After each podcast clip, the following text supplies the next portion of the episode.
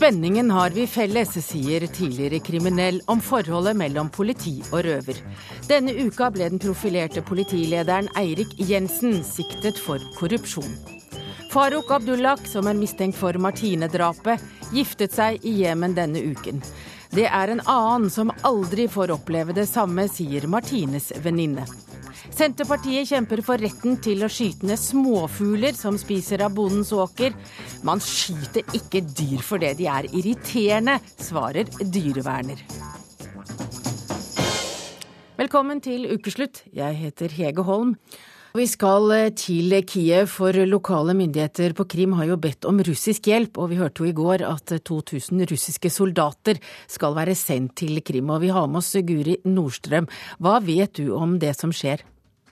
Akkurat nå er de siste meldingene fra Krim at eh, flere titalls maskerte menn iført umerkede uniformer skal ha tatt oppstilling og satt opp to maskingeværstillinger utenfor regionsforsamlingen i Simferopol, sentralt eh, på øya.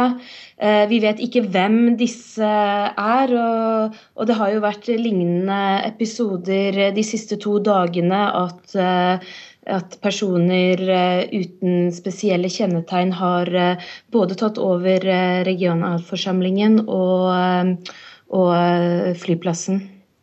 Ja, Det at de tar slik oppstilling, hva kan det bety? Nå vet vi ikke om det er samme gruppe, men det var jo også en gruppe litt tidligere her som tok, gikk inn i regionalforsamlingen, fjernet de ukrainske flaggene og heiste russiske flagg til stor jubel blant demonstrantene som hadde møtt opp utenfor. Så det er jo tydelig at her er det noen som vil sende et signal om at de ønsker en orientering uh, mot Russland snarere enn å støtte denne midlertidige regjeringen som er presentert her i Kiev. Men hva slags rolle spiller russerne i Ukraina nå?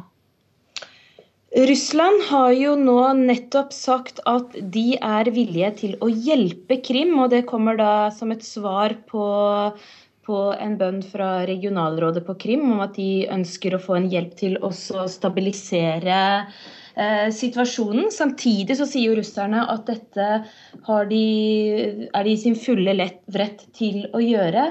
De har en marinebase på halvøya, og denne basen har de etter en avtale med Ukraina lov til å ha til 2042. Dette var en del av avtalen da Ukraina ble selvstendig i 1991.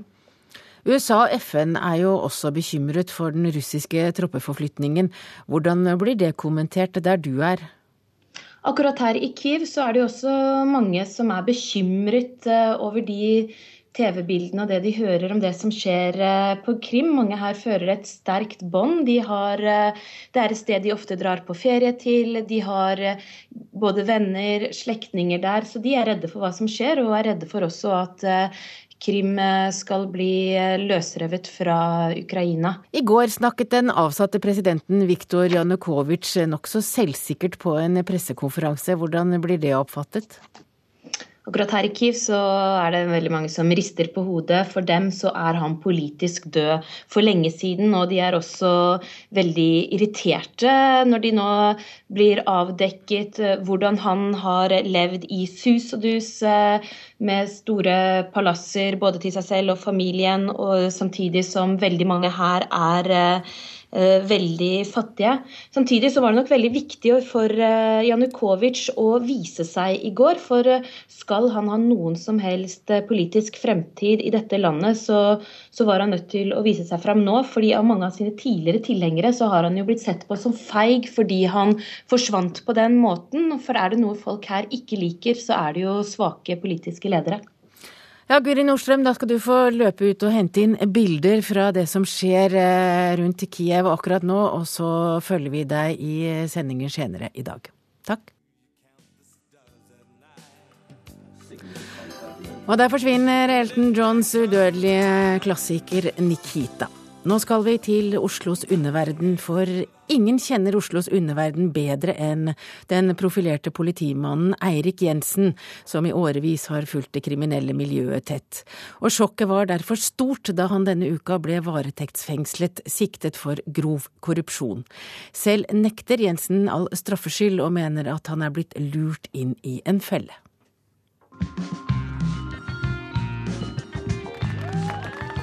Siden 2006 har dere fått bedre kontroll har du sagt, over gjengene. Eirik Jensen i intervju med Anne Grosvold i 2009. Mm. Du er ikke redd for at det kan komme et tilbakeslag? At de rett og slett mobiliserer mot politiet?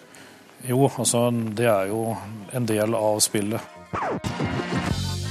I intervjuet utelukker ikke Jensen at kriminelle kan ville sette ham opp i en felle, og innrømmer at jobben kan minne om TV-serien Sopranos. Så Jeg liker de seriene veldig godt, ja. og jeg kan jo si at jeg kjenner igjen veldig mye.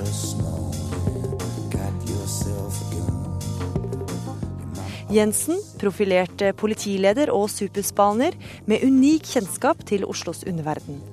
Denne uka ble han arrestert, sikta for grov korrupsjon. Jensen mistenkes for å ha beskytta et narkonettverk i bytte mot penger. Hvor tett sammenvevd er politi og røver? Jeg var medlem i Young Guns. Mikael Ali, 1,90 høy, bredskuldra og smilende. For bare seks år siden var han et kynisk medlem av gjengen Young Guns, og en person som han selv beskriver som Ustabil, farlig og Følelsene la jeg bort, det rusa jeg bort, rett og slett. Og som kriminell var politiet en ikke ubetydelig del av livet. Når jeg var i gjengmiljøet, så så jeg på det som en katt og mus-lek. Eh, jeg så på de som motstandere. Eh, noen som var ute etter å ta, ta meg. Da. Jeg kan kun snakke for meg selv, eh, men ta meg når jeg var i det miljøet. Og jeg hadde også samtidig respekt for dem, på en måte. At det her var jobben deres. Men, men, men at de absolutt var etter å kunne ta meg. Og det, det var jo hadde jeg også berettiget, også berettiget til òg. Altså, det var jo telefonavlyttinger. Eh, det var eh, altså spaning. Merket at folk følte etter deg. Og du ble litt paranoid i tillegg, men, men, det viste at det, var det, det, var det hadde jeg rett til å være òg. Fortsatt blir han gjenkjent av spanere fra den tida. Jeg traff nylig, eller ikke nylig, sier jeg, det var noen, nå er det vel to år siden sånt, og jeg var på konsert på Valle Hovin. Og da, da traff jeg han ene, og som kom bort til meg og hilste meg. og men det var under setting, konsertsetting, da. Men, og da hadde jeg gitt meg som eh, kriminell, da. Pensjonerte politimann Jon T. Kvikne jobba med å hjelpe unge ut av en kriminell løpebane. For å gjøre det var han helt avhengig av å oppnå tillit. Det er jo eh, nærmest en av forutsetningene for at du skal bli eh, en dyktig politimann, og ikke minst en dyktig etterforsker. Det er at du får et tillitsforhold til dem. At de kom omtrent som en en helsesøster, vil jeg tro, for, eh, spesielt for kvinner. Eh, sånn at eh, de visste at du hadde taushetsplikt, og at du kunne gå med problemene og presentert, fikk presentert problemene. Du ble en pappa på en måte, ja. Det gjorde du. Kvikne tror Eirik Jensen har blitt lurt i en felle. Jeg har som sagt ingen forutsetning for å si noe om dette, her, fordi jeg ikke kjenner noe til bakgrunnen eller mistanken. Men, eh, men, jeg vet jo av erfaring at det er eh, sånn eh, mange som driver i harde kriminelle miljøer, og også ellers at de blir tatt hevn imot dem eller prøver å uskadeliggjøre dem ikke sant, hvis de blir for nærgående. som kan ha skjedd med, med Erik Jensen. ikke sant? Selv opplevde han hevnaksjoner fra kriminelle som syntes han kom for nær. Jeg eh, fikk et innbrudd i, i, leiligheten min, her, eller huset jeg har ute på Skulderud her. Jeg hadde et innbrudd, og det viste seg at det var en eh, som jeg hadde, men da var det en jeg hadde tatt eh, under vingene, for å si det på den måten, og beskyttet. Så eh, det var egentlig ingen trussel, men eh, i hvert fall eh, det er jo det som skjer ofte med oppskårne bilhjul og den slags eh, mot leiligheter og hus når de finner fram til hvor de bor hen osv. Så, videre. så det var jeg nok utsatt for en, en, par-tre ganger. Også Kvikne treffer fortsatt på gamle kjente. Jeg møter stadig noen på gata og i andre sammenhenger, og de hilser og 'hei, Kvikne' osv. Og, så og det, det, det, har jeg satt pris på. Det har eh, gjort eh, at de 40 årene, henimot 40 årene jeg var i etaten, eh, ser jeg tilbake på med, med stor glede og, og eh, jeg håper å si tilfredshet. På en minimalistisk innreda sushirestaurant treffer jeg forfatter Stein Morten Lier. Og det var ifølge politiet på denne restauranten at posen med ca. 1 million kroner i kontanter ble overlevert, og saken Jensen nå er arrestert for, ble rulla opp. Jeg håper og tror at at han blir frikjent, da. For jeg har alltid hatt veldig respekt for han og syns han har gjort en veldig god jobb. Lier er forfatter av boka 'Mafia i Norge', som kom i fjor. Og en av kildene hans var Jensen. Vi skal jo ikke være så naive og tro at ikke det foregår korrupsjon i norsk politi heller. Selvfølgelig, det har jo vært flere tilfeller tidligere. Det er jo ikke første gangen. Ja, det har vært mange hendelser.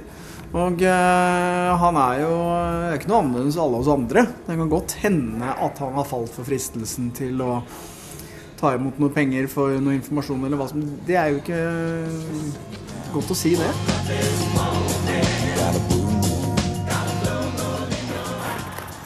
Tidligere gjengmedlem Ali ble overraska da han hørte at Jensen var arrestert. Jeg ser på han, han kunne vært og tatt en, tatt en øl med gutta på byen og sagt liksom at ja, vi, kan, vi kan møtes her liksom, og snakke sammen og sånt. Uh, og jeg vet dere er kriminelle, og gjør noe kriminelt, så tar vi dere. Men akkurat her nå så kan vi ta en øl sammen og snakke sammen. Sånn type kunne jeg se på han, at han virkelig hadde den der Og det ga litt trygghet òg, at han var litt sånn fair og redelig der. Så jeg håper at det ikke stemmer. For ham var det tilfeldigheter at han ble røver og ikke politi. Jeg ønsket å bli politi, jeg gjorde det. Eh, det var, eh, det var i den perioden jeg da dro inn i Telematlon i Forsvaret og hadde litt sånn målsetting og når jeg kom etter tjenesteår i Kosovo, komme ut og søke Politihøgskolen osv. Eh, men dessverre så ødela jeg det for meg selv med, å, med voldsdommer og få rulleblad. Så, så, det var en hårfin balanse, det der. altså. Ifølge Ali har politi og røver én ting felles søken etter spenning. Jeg tenker i forhold til det å kan jeg kun igjen snakke for meg selv, men jeg kanskje opplever litt det i forhold til eh, polititjenesten jeg også har snakket med tidligere. Den spenningen, den eh, utfordringen i hverdagen med som liksom, Det blir sånn med katt og mus, da, altså kjeltring, forbryter. At det der er en fin balanse i forhold til hva som altså, Nå kom det altså, mye snakk om verdier her òg, men, men, men det, det, spenningsmomentet, tror jeg, den den, eh, den, kjente jeg veldig på. Og, og, eh, flere av de jeg har snakket med som er på politiet, da, har også sagt at eh, det er en hårfin balanse der. Og reporter her var Gry Veiby, og for ordens skyld, Eirik Jensen nekter altså all straffskyld for påstandene om korrupsjon. Og siden pågripelsen av Jensen på onsdag, så har altså ansiktet hans eh, prydet forsidene av tabloidavisene både på papir og nett, og vi har rukket å bli kjent med ekskona, vi har hørt om bikkja, og vi har sett bilder av det gule huset hans på Skarnes. Og John Malden, du har jobbet i politiet i 32 år, og 15 av årene har du jobbet sammen med Eirik Jensen. Nå reagerer du på at media har identifisert Eirik Jensen, hvorfor det? Jeg syns faktisk at man har gått litt tidlig ut, og som jeg har nevnt i tidligere intervjuer, så syns jeg at man har ikke vært helt uh, klar med Være varsom-plakaten. Det er Man har et ansvar når man går ut med bildet, og i denne situasjonen her så syns jeg virkelig at dette blir veldig ensidig, slik at det er én part som blir da bastet og bundet fast, og den andre parten får lov til å uttale seg som man vil gjennom advokat. Dette her kan igjen påvirke vitner, det kan gjøre litt av hvert. Og jeg er veldig skeptisk til dette her. Man kunne vært litt mer varsom så lenge man ikke har mer opplysninger enn det man har. Hva er det du mener Vær varsom-plakaten mangler? Jeg mener at man, altså Vær varsom-plakaten er jo til stede for at man skal kunne ta hensyn til medmenneske, familie. Og jeg syns at her har man gått litt for langt og litt for fort. Ja, hvilke konsekvenser mener du at det kan få? Det er konsekvenser bare for, for, barn. Jeg har fått telefon fra bekjente av meg som er bekymret for, for barn, eller barnet hans. Og, og det er, det er eh, en stor belastning for familie, og særlig når de, da vet at, at um, han ikke kan, har mulighet til å uttale seg i det hele tatt, og er bastet og bundet via is isolat og ikke blitt avhørt.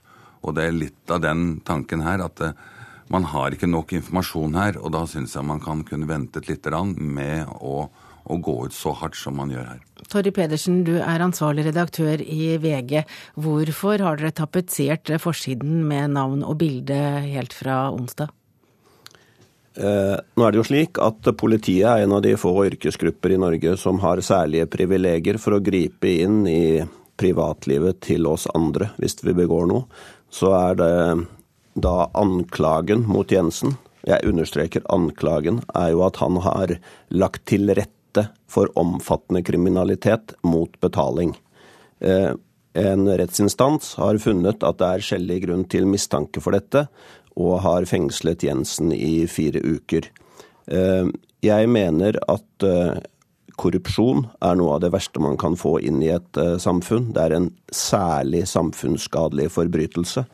Og hvis man er politi, eller ansvarlig redaktør, så må man påregne eh, oppmerksomhet når man er fengslet den, med mistanke eh, om den type forbrytelser. Men er det nødvendig å vise bilde av både huset på Skarnes, eh, intervjue ekskona og ha forsidebilde med Eirik Jensen hver dag? Ja, nå vet, kan jeg ikke dette huset på Skarnes, men uh, når, det, det gjelder, uh, når det gjelder uh, kona, så gir jo hun et innblikk i hvor omfattende og over hvor lang tid kontakten har vært mellom denne narkotikasmugleren og Jensen. Vi får et innblikk i at denne personen har bodd hos de, at Jensen har vært med de på syke med den, denne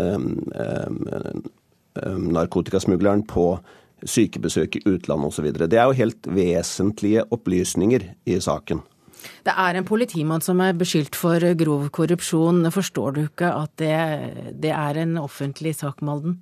Jo da, og det gjør jeg. Og jeg tar dette veldig alvorlig og er veldig lei meg for at uh, Jensen har kommet opp med denne situasjonen her. Men tilbake til det som, uh, som Pedersen sa her med ekskone. Altså, ekskoner kan ha en agenda for å uttale seg, og når journalisten da eh, spur, spurte henne hvorfor uttaler deg på denne måten, så sier hun for å få frem sannheten. Er det, er det payback, eller hva, hva, er det for noe? Altså, er dette hennes påstander? Hvilke sannheter er det hun kommer med? Kan de sannhetene, eller de påstandene hun kommer med, kan de, kan de Hvilken måte skal de tolkes? Er det begrunnete, som man kan sjekke etter? Det er det jeg lurer på. Og da, da, da, smører man ut Jensen utover eh, hans privatliv og tidligere privatliv. Og dette har jo Torry Pedersen da valgt å trykke. Men eh, Per Arne Kalbakk, du er nyhetsredaktør her i NRK. NRK har vært mer tilbakeholdne. Der, her ventet vi et døgn før vi publiserte navn. Hvorfor har NRK valgt en annen eh, politikk? Ja, Vi ventet vel halvannet døgn fra tirsdag ettermiddag til torsdag morgen da vi valgte å identifisere grunnen til at vi ventet, altså begrunnelsen for at vi nå identifiserer, er den samme som Torry Pedersen sier. Men vi for vår del og vår redaksjon vi mente at vi visste for lite om hva siktelsen og anklagene konkret besto i. Eh, det første drøye døgnet hadde vi bare annen- og tredjehåndskilder, og vi ventet da til vi fikk bekreftet fra flere at dette handlet om anklager om grov korrupsjon knyttet direkte til Jensens betrodde stilling som polititjenestemann. Og da mente vi at eh, ut fra det som også står i Vær varsom-plakaten, at, at, når kriminalitet har direkte relevans til dette, at det kan være forsvarlig å identifisere også tidlig i en sak. Og det kan jo også bemerkes at det gir jo også, uh, har også den siden at uh, det ofte gir den siktede større mulighet til å uttale seg om sin sak. Folk som kanskje uh, oppfatter navnet, kan komme med opplysninger som støtter, støtter den siktedes versjon, f.eks. Men, men, så er det jo en annen mann involvert her, og det er han som bare omtales som 47-åringen og investoren og narkosmugleren. Han har NRK valgt å overhodet ikke identifisere. Mm. Selv om han også har vært en sentral figur, eh, for det var han som fortalte historiene til politiet som er bakgrunnen for uh, siktelsen. Absolutt, og jeg skjønner at det kan se rart ut. At en, eh, en polititjenestemann som nekter all skyld, han identifiserer vi, mens en hovedmann, som jo er kjent, smugling av 20 tonn hasj, bruker vi ikke navn på. Men det som er hovedregelen i NRK, er at vi veldig sjelden identifiserer kriminalsaker, også når det gjelder svært alvorlige alvorlig kriminalitet, og det med en tanke på at folk flest er ikke offentlige personer. Og blir man dømt eh, for eh, kriminalitet, så skal man på et tidspunkt ut i samfunnet. De gangene vi gjør det, er det som regel knyttet til at eh, den påståtte kriminaliteten eller dommene er direkte knytta til vedkommendes samfunnsrolle. Så det er forskjellen her. Men så er det sånn at her er det snakk om alvorlig kriminalitet, gjentatte kriminelle handlinger for 47-åringen. Så dette vurderer vi løpende. Og det er, ikke, det er ikke gitt at vi aldri kommer til å identifisere han. Og der har dere valgt en annen linje, for nå er han identifisert i VG, Torry Pedersen. Mm. Men dere ventet også ja, men eh, det var jo slik da at eh, utgangspunktet for saken var 80-90 kilo hasj ute på Lysaker. Og Så kommer forsvareren til denne karen ut i mediene og snakker om at det er 20 tonn. Altså at det er en industri over år. Og da er det, det er det ene argumentet. Det andre er, som Malden her sier, får, det er han som fremmer alle påstandene mot Jensen. Da kan det ikke være slik at den ene er anonym og den andre er offentlig. Og det tredje argumentet argumentet er at når vi vet hvem begge de involverte i sakskomplekset er, så kan det bringe frem opplysninger som kan avklare hva vi står overfor her. For det som er viktig, vi står uansett overfor en gigantisk skandale. Enten så er det slik at det er begått korrupsjon eh, over år. Det er helt uholdbart eh, i politiet. Det andre alternativet er at politiet har gått til pågripelse og eksponert Jensen på et sviktende grunnlag. Eh, det er utfallet av dette. Uansett er det en skandale. Alle har vi interesse av å få avklart dette. Og Jon Malden, du tror Jensen er uskyldig? Jeg tror det, og jeg er også litt enig i det som, eh, som Pedersen sier her. Men, men altså, tilbake igjen til det med identifiseringen her. altså jeg føler at det blir ikke likhet for loven her. Og hvor én part kan få lov til å uttale seg som min vil, før den andre parten er avhørt, så syns jeg det, det, går litt, litt over støvleskaftene for meg. Altså. Det, det, gjør det. For at litt likhet for loven, det, det tror jeg det norske folk selv liker at det skal være. Hvordan tror du Eirik Jensen har det nå? Som jeg kjenner han rett, så har han det forferdelig. Det må være helt uh, forferdelig å, sitte nå snart en uke i isolat uten å kunne vite uh, konkret hva han er beskyldt for.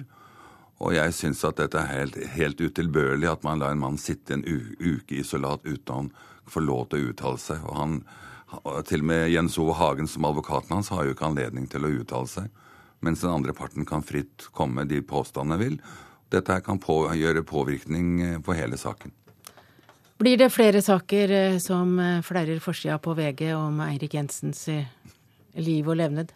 Det er jo avhengig av utviklingen i saken. Men jeg formoder at det kan komme ganske mange nye innslag i NRK også. For det er vel tredje gangen jeg er her nå på, i løpet av et døgn. Takk til dere for at dere kom hit på en lørdag formiddag og snakket om eh, denne saken. Per Arne Kalbakk, nyhetsdirektør i NRK. John Molden, tidligere kollega av Eirik Jensen. Og Torry Pedersen, sjefredaktør i VG. Du hører på Ukeslutt i P1 og P2. Klokka er øyeblikkelig ett. Og følg oss videre, så får du høre at noen trekk av en hasjrøyk på et nachspiel var nok. Stortingsrepresentant Erik Skutle mistet alle verv i Høyre. For strengt synes Dagsavisens Arne Strand. VGs Fridtjof Jacobsen er uenig. Senterpartiet kjemper for at bønder skal få skyte småfugl som truer avlinger, og de møter dyreverner til debatt. Men eh, først skal vi til en annen sak, for det er nemlig seks år siden den norske studenten Martine Wiik Magnussen ble voldtatt og drept i London. Den eneste mistenkte i saken, Farouk Abdullah, giftet seg denne uken hjemme i Jemen. Og det kan gjøre det vanskeligere å få ham utlevert og stilt for retten. Her hjemme tenker Martines venner fortsatt mye på hun som aldri får bli brud. Jeg kan se Burde ligge her. Henriette Marie Nilsen søker etter en helt spesiell video på internett. Jeg tror ikke det kommer opp da. da. Jo, der har vi den. Ok, Så denne filmen her skal jeg vise når vi er sånn 50 år og gamle og skrøpelige. Ja! Videoen viser glade venninner julen 2007. Martine Wiik Magnussen smiler bredt inn i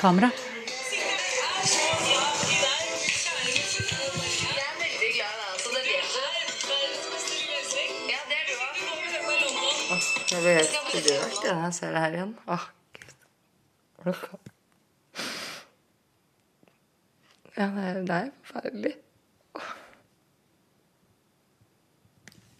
Hva husker du fra den eh, kvelden hvor den videoen ble tatt opp? At vi hadde det fint. Det var hyggelig. Og ja, vi koste oss som vi alltid har gjort. Uff a meg, det er rart å se det igjen. Bare noen måneder etter juleselskapet kom beskjeden om at bestevenninnen var savnet i London. Og så Politiet i London etterlyser en arabisk mann etter drapet på en 23 år gammel norsk student. Scotland Yard har i ettermiddag bekreftet at det var den norske Martine Wiik Magnussen som ble funnet drept i en bygård i London i går morges. Det er jo en stor del av ja, som på en måte har forsvunnet. Seks år er gått siden livet ble snudd på hodet. Det er fortsatt veldig vondt, men uh, ja. Henriette Marie har akkurat levert sønnen på snart to år i barnehagen, når vi møter henne i rekkehuset på Snarøya, der hun bor nå. Jeg har møtt en fantastisk fin mann og giftet meg og fått barn. Og, ja, så nå er jeg mamma til en gutt på to år. Det er jo masse glede som har skjedd, som jeg skulle ønske at hun kunne tatt del i, rett og slett. Hun hadde nok syntes det vært eh, veldig stas når jeg ble gravid, og liksom tulla litt med meg og 'Guri malla, nå skal du bli mamma' og på det. Og, sant? For jeg er jo den første i jentegjengen, da. Hva tenker du om at eh, den eneste mistenkte nå eh, gifter seg? Når jeg så reportasjen på eh, nyhetene, så ble jeg litt sånn åh, hvem har lyst til å gifte seg med han der? Farouk Abdullahs kone er ifølge Nettavisen en jente i begynnelsen av 20-årene. Abdullah kommer fra en svært rik familie, men det skal bare ha vært et begrenset antall gjester til stede. Det er ikke noe veldig Ikke Jeg prøvde å rydde litt opp. Vi er på et kontor i Martines barndomshjem på Nesøya sammen med faren hennes, Odd Petter Magnussen. Eh, meste er jo i dag på elektronisk medium, men dette er de fysiske tingene. Og dette er vel en eh, stabel med dokumenter i ca. en halv meters høyde, noe sånt. Eh, men det er som sagt bare en del av totalet. I seks år har han arbeidet for å få stilt datterens angivelige drapsmann, Farouk Abdullak, til ansvar. Noe som er vanskelig siden Norge og Storbritannia ikke har noen utleveringsavtale med Jemen. 60-70% av denne dokumentasjonen har å gjøre med eh, mitt eh, grensesnitt mot UD.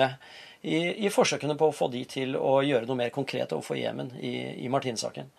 Jeg har ikke lykkes med det ennå. Magnussen planlegger denne formiddagen kveldens møte med støttespillere i Martine-saken. Samme dag som Farouk Abdullah gifter seg i Jemen. Ja, Utover det rent uh, følelsesmessige, hvor jeg gjerne skulle se at det var en helt annen person som giftet seg nå, så er dette et setback for saken. Ikke juridisk og formelt, fordi status til mistenkte er akkurat den samme men fordi eh, ansvaret for det som skjer med en sønn i denne kulturen, det flyttes nå fra far til den nye familien som han nå eh, etablerer, altså sønnen etablerer. Og dette er jo et grep som da sannsynligvis er gjort av faren nettopp for å fjerne oppmerksomheten og ansvaret fra ham og overføre det til eh, sønnen. Hva synes du om det norske myndigheter eh, gjør i saken? Jeg synes eh, ikke så mye om det, rett og slett fordi norske myndigheter overfor Jemen har gjort svært lite. Man har adressert dette i noen formelle sammenhenger på høyt nivå, men man har aldri gjort noe konkret og bidragende til å øke presset mot uh, jemenittiske myndigheter eller mistenktes far.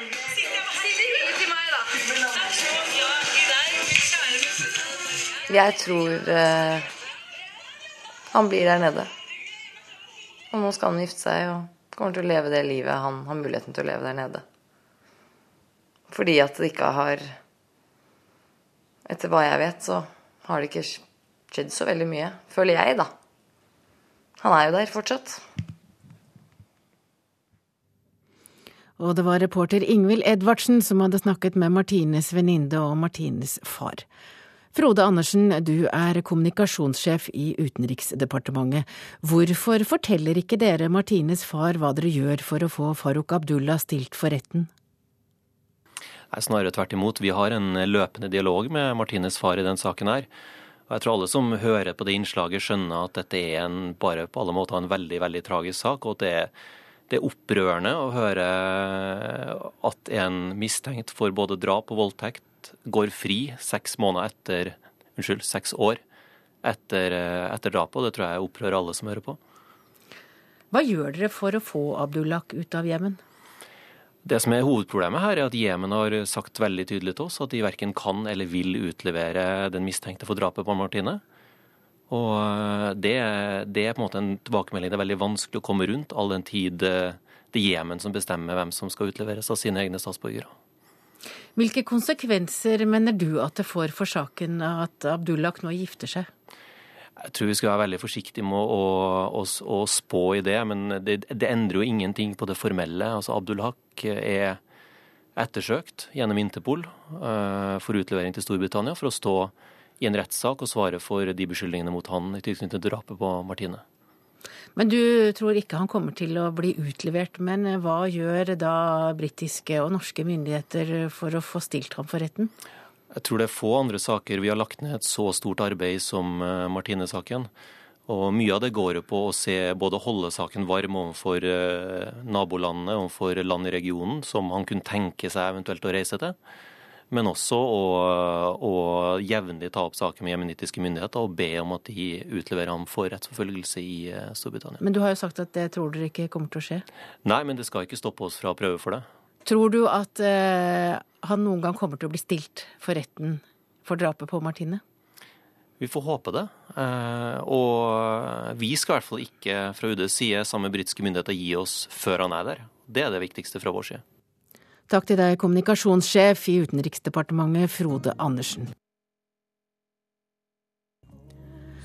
Noen trekk av en hasjrøyk på et nachspiel var nok. Høyre kalte inn til krisemøte, og 24 år gamle Erik Skutle fikk beskjed om å trekke seg fra alle verv i partiet. Men på Stortinget må han sitte ut perioden, altså i nesten fire år til. Arne Strand, du er sjefredaktør i Dagsavisen, og du synes Høyre har overreagert. Hva mener du partiet har gjort feil? Nei, De gjorde ikke noe feil, fordi Høyre har utstyrt seg med et veldig strengt regelverk. Det er altså nulltoleranse for å for gå, gjøre brudd på norsk lov, og det å røyke hasj er altså ikke lovlig her i landet. Men jeg tror det skulle tatt seg litt tid. Undersøkt saken nøyere og funnet ut, prøve å finne ut hva var det han egentlig gjorde. For hvis han bare har røkt på et nachspiel hvis det er riktig, så syns jeg det ikke er riktig å dømme gutten, dette er en ungdom, fra, gi han en livsvarig dom fra norsk politikk. For i virkeligheten, det har de gjort nå. Alle verv er tatt fra han. Han skal sitte på Stortinget som vararepresentant i, i fire år. Kommer ikke ut av Stortinget. Stortinget er blitt hans fengsel på mange måter. Dette syns jeg er i drøyeste laget. Men la meg legge til, da. Jeg er selvfølgelig av den mening at stortingsrepresentanter som gir lover, de må overholde dem også. Men som andre i vårt samfunn, så må altså straffen stå i forhold til forbrytelsen. Mener du det er forskjell på alder her? Hvis han hadde vært 50 eh, år, så hadde det vært noe annet? Det er, ja, jeg, jeg, vil, jeg, vil, nesten eh, si det. At uh, alder er normalt en faktor som uh, du tar hensyn til når du skal idømme straff uh, for norske borgere. Dessuten, dette var jo en ungdom som ikke har all verdens politiske erfaring. Hadde det teoretisk dreid seg om første representant fra Hordaland, altså statsminister Erna Solberg, så ville det selvfølgelig vært en helt annen sak, og hun hadde vært ferdig som statsminister. Men det er altså forskjell på folk, normalt i et rettssamfunn, og det bør også være forskjell på politikere. Vi har invitert Høyre, men de takket nei i dag. Men vi har med oss Fridtjof Jacobsen, du er politisk kommentator og leder for kommentaravdelingen i VG. Og du mener at det er riktig av Høyre å bare si takk og farvel til et åpenbart stort politisk talent fordi han har røkt hasj én gang. Hvorfor det? Jeg mener det er riktig at det blir en reaksjon. For jeg tror, eh, i motsetning til Strand, at eh, Skutle, som er 24 år, og som eh, mange sier er et åpenbart politisk talent, han, han har nok visst idet han trådte inn på Stortinget, hvor han kommer til å bli sittende i fire år, eller i hvert fall så lenge Erna Solberg er statsminister, at da gjelder det litt andre regler enn før du trår inn der. Uh, det har både Høyre gjort klart, og det er også ganske klart på Stortinget. Blant annet så er f.eks. det å røyke hasj, uh, som jeg tror ville hatt null konsekvenser for han før han havnet på Stortinget, eh, er en ting du ikke lenger kan gjøre. Og når han da, han har jo innrømmet at han har gjort det på et nachspiel, og blir tatt på det, vel, så får det noen konsekvenser. Konsekvensene er ikke evige, men jeg tror han skjønner også at det blir reagert. Han visste hva han, hva han gikk til. Og jeg er ikke enig med med Arne Strand her i at det er så veldig forskjell på altså Jeg likte veldig godt den tanken på at Erna Solberg røyker hasj på nachspiel. Det, det syns jeg var et eh, godt politisk bilde. Det var fascinerende å tenke på. Men, men jeg tror hvis du er 24 år eh, og, og har vært på en plass på valglisten hvor du, hvor du, visste at hvis Erna Solberg ble statsminister, så kom du til å sitte på Stortinget, og du også har vært eh, en av nestlederne i Hordaland Høyre, et av de viktigste fylkeslagene i Høyre for tiden, da er du ikke noen ung og uerfaren politiker. Men, da bør du vite hva du holder på med. Men selvfølgelig har han gjort noe veldig, veldig dumt. Er, og han skal jo tas for det, men han blir da tatt på en måte som jeg tror vil føre til at han er ferdig med norsk, eh, norsk politikk. Og det kan jo ikke være sånn at vi, vi bare skal ha eh, politikere som aldri har gjort noe galt. Dette er alvorlig. La, la. La meg understreke det, Men det må jo også det må jo være, eh, være likhet da for politikerne.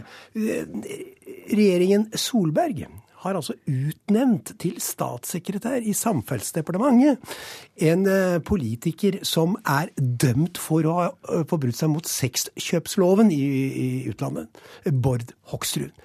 Ingen sa noe om det. Han betalte boten sin og ble gjenvalgt i Stortinget, og så føyker han altså inn i regjeringen.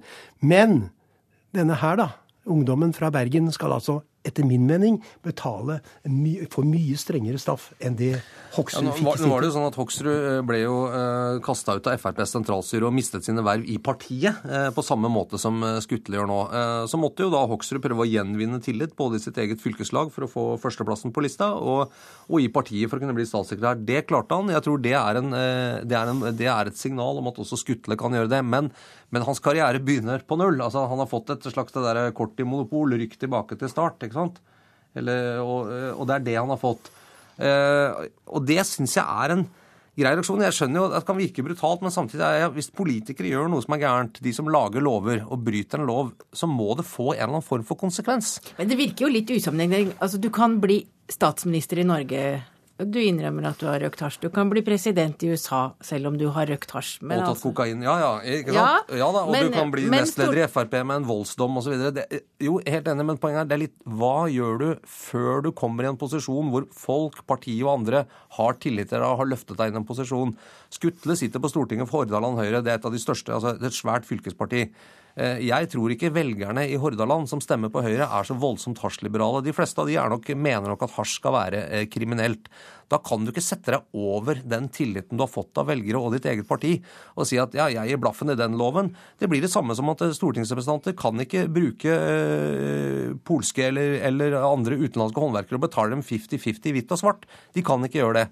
Men om de har gjort det før de blir valgt inn på Stortinget, eller før de havner i regjering, så er ikke det noe at de har gjort det én gang eller to ganger før det. Det diskvalifiserer ingen fra å være med i norsk politikk. Men når du sitter i posisjon og har det vervet, da må du holde din styr igjen. Og verre er det ikke. Men det gjelder det samme for brannmenn, politifolk, folk som er i militæret, for programledere i NRK. Altså, det, det, gjelder de samme reglene for de også. Gjør du noe som ikke er lov, så får det konsekvenser. Men Fridtjof Jacobsen, han skal jo sitte på Stortinget og være med på å vedta lover ja. i fire år. Ja. Han får bare ikke lov til å ha verv i partiet Høyre utenfor. Nei, er ikke det en grei straff, da? Han... Fengselsstraff, sier du? Ja, nesten. Fordi han skal altså nå sitte som førstereisegutt, 24 år gammel, på Stortinget, vararepresentant, etter å ha fått den dommen fra egen parti over seg.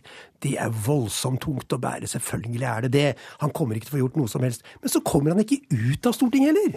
For Stortinget er som et fengsel. Er du dømt til fire år, så må du sitte perioden din ut. Ja, eh, jeg syns det er greit at politikere svarer for de velgerne som har valgt dem, og at ikke partiene kan gå inn. Det er fortsatt så er det et valg på personer, og det, det skal ganske mye til eh, å si til velgere som har stemt på en, og si at nei, vi, vi, har bestemt at han er ikke verdig til å representere de som har stemt på han likevel.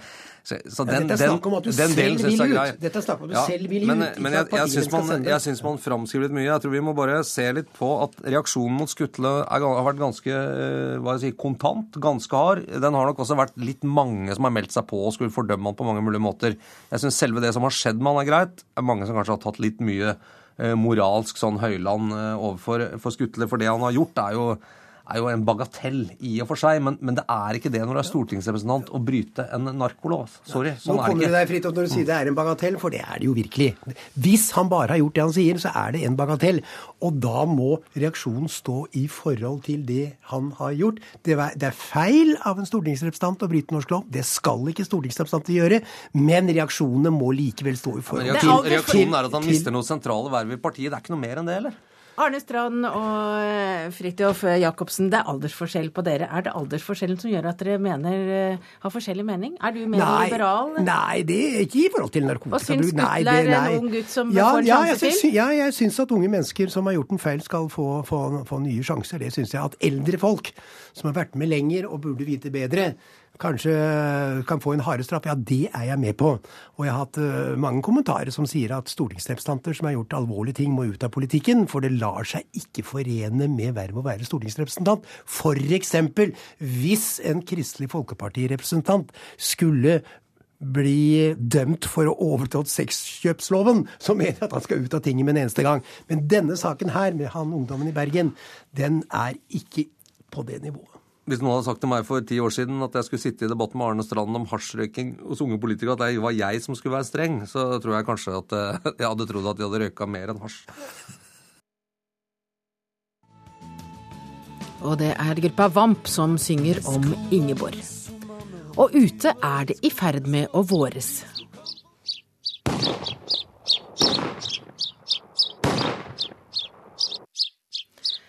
Senterpartiet kjemper nå for retten til å skyte småfugler som lander og spiser av såkorn på åkeren. Et nytt forslag krever nemlig at man først må søke om tillatelse fra Fylkesmannen, før man kan ta fram hagla og skyte småfugl på egen eiendom. Stortingsrepresentant for Senterpartiet Geir Pollestad, dette er et forslag du overhodet ikke støtter, men forklar hvorfor er det så viktig å kunne skyte småfugl?